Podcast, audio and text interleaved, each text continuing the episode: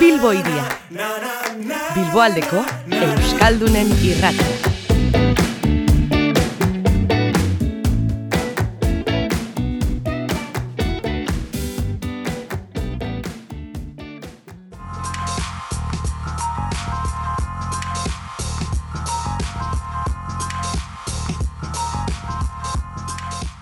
Urriaren zazpian eta sortzian asteburuan bertan antolatu dute Open House jaialdia Bilbon hiri ez materiala goiburuarekin.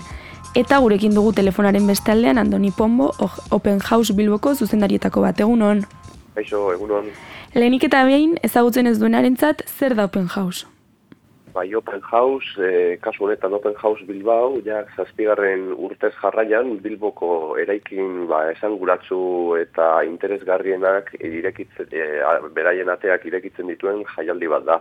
E, orain dela hogeita mar urte baino gehiago sortu zen ba, ekintza bat da, Londresen jaioa, eta ordundik mundu guztien zehar zabaltzen joan dena, eta esan bezala orain dela zazpi urtetik ona, ba, Bilbon ere ospatzen hasi dena. Eta zelbururekin hasi zineten Open House Bilbon egiten duela zazpi urte?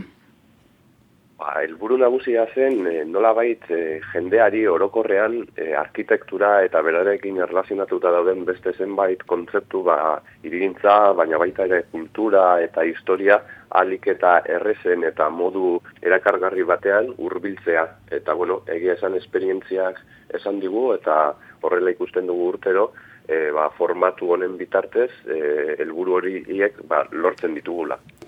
Eta beraz, beharrezkoa da Bilboko espazio eta edifizioak herrietarrei doainik irekitza, ez da? Bai, era bat, guk uste dugu gainera horrelako ekitla, ekitaldi bati ezker, e, azte bukaera batean kontzentratzen dena gainera, ba, nola bait jendean mugiarazten duela eta erakartzen duela horren besteko ba, eraikin sorta bizitatzeko aukera izatea, eta modu horretara egia esan, ba, ba, elburu jakin batekin hurbiltzen den pertsona eraikin zehatz bat ikustera, edo bai, azkenean historia bat ezagutzera, e, bultzatzen dugu baita ere, ba, bide berdinetik, beste zenbait eraikin ezagutzera, batzuetan, gainera, e, ezagutu ere ez dituztenak egiten existitzen direna. Mhm. Beraz, e, guretzat, egia esan, izugarrizko ba, posa eta arrakasta dela iruditzen zaigu.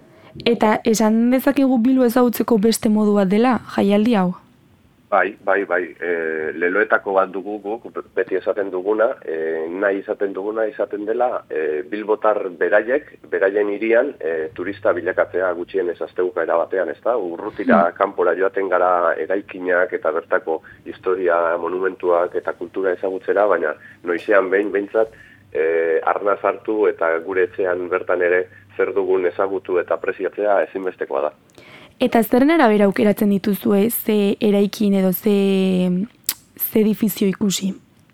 Bai, e, urte guztian zehar azkenean lan bat dago, ez da, e, jaialdi aurretik, eta puntu garrantzitsuenetako bat iz, izan hori da hori. E, nola baik, e, katalogo edo eraikin sorta ba, interesgarria prestatzea urtero azkenean e, Bilbok e, eskaintza handia du e, zentzu horretan, eta saiatzen gara alde batetik garai eta estilo ezberdin eta anitzetako eraikinak proposatzen, eta e, noski beti ere bisitatzeko nolabaiteko interesa duten e, eraikinak topatzen horretarako, ba, bueno, alde batetik lan teorikoa edo azterketa lana izaten dugu, eta gero baita ere eraikinak bisitatuz, ba, zaiatzen gara alik eta e, sorta edo katalogo e, ba, proposena prestatzen. Horretaz gain, gainera, jazazpigarren urtea denez ospatzen dela, baditugu e, guztion gatik ezagunak eta arrakasta handia izaten duten eraikinak urte urte errepikatzen saiatzen garela.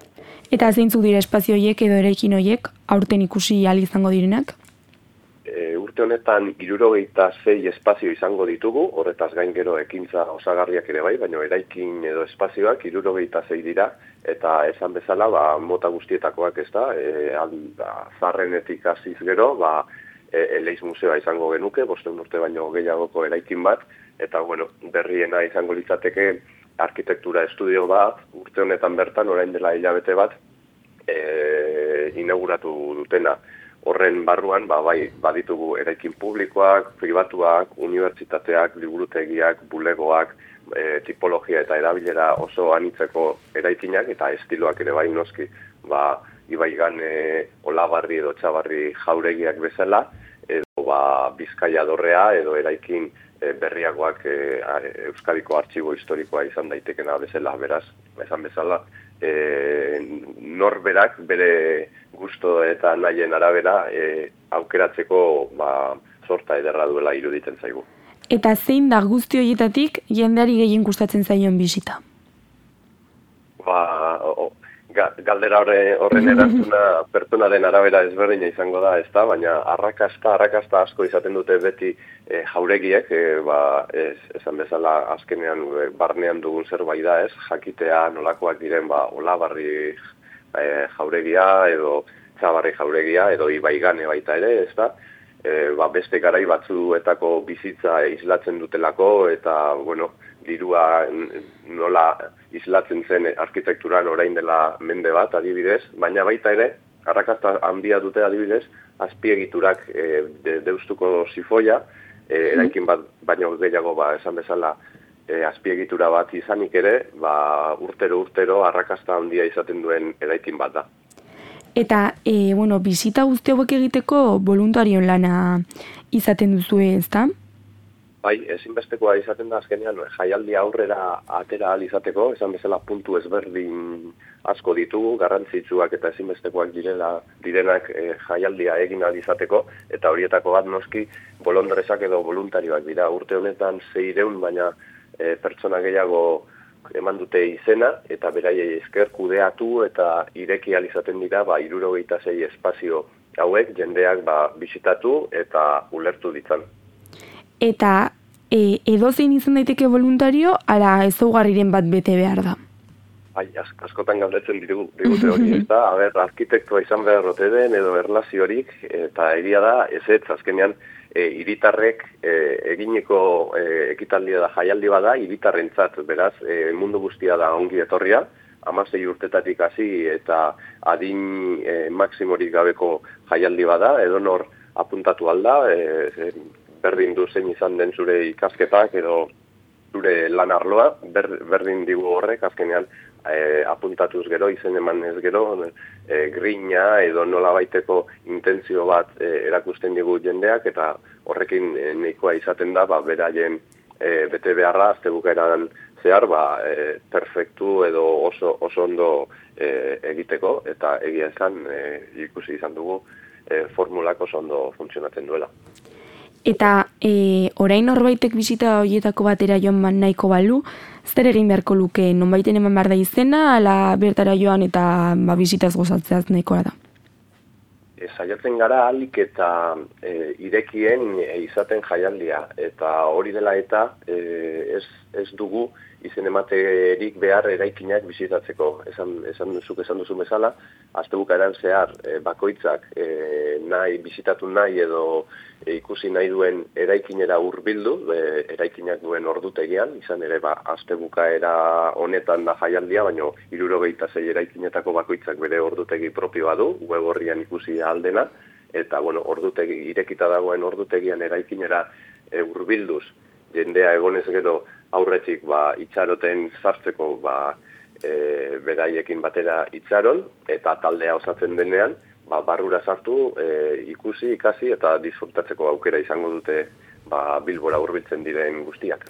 Eta aurten gainera, betiko bizitez gain, beste hainbat ekintza ere antolatu dituzue, ez da?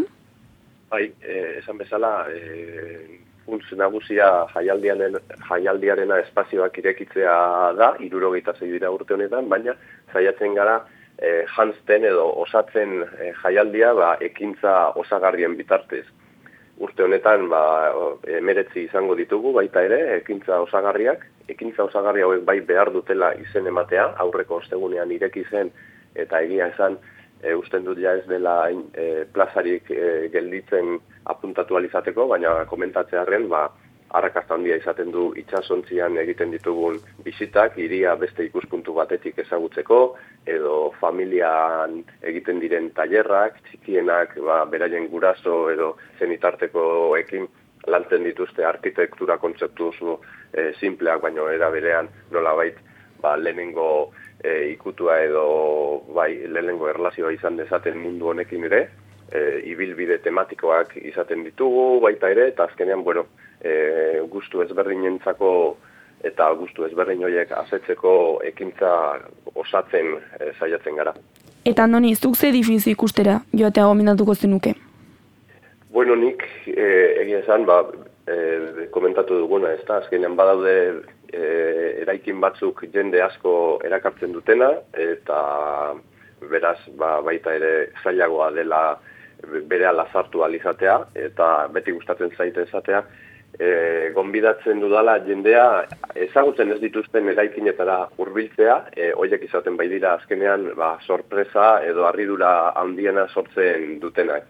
E, ezaguna ditugun eraikinak e, ikustea eta jakitea zer duten barruan ba, oso interesgarria da, baina bakoitzak ja bere e, ba, irudia buruan eginda izaten du ezta, eta harrigarriagoak izaten dira ba, eraikin ba, ez, iskutu edo ez ezagun horiek eta animatu nahiko nuke mundu guztia ba, horrelako bizitaren bat ere gehitzea beraien e, aztebukaerako ibilbide horretan jaialdian zehar.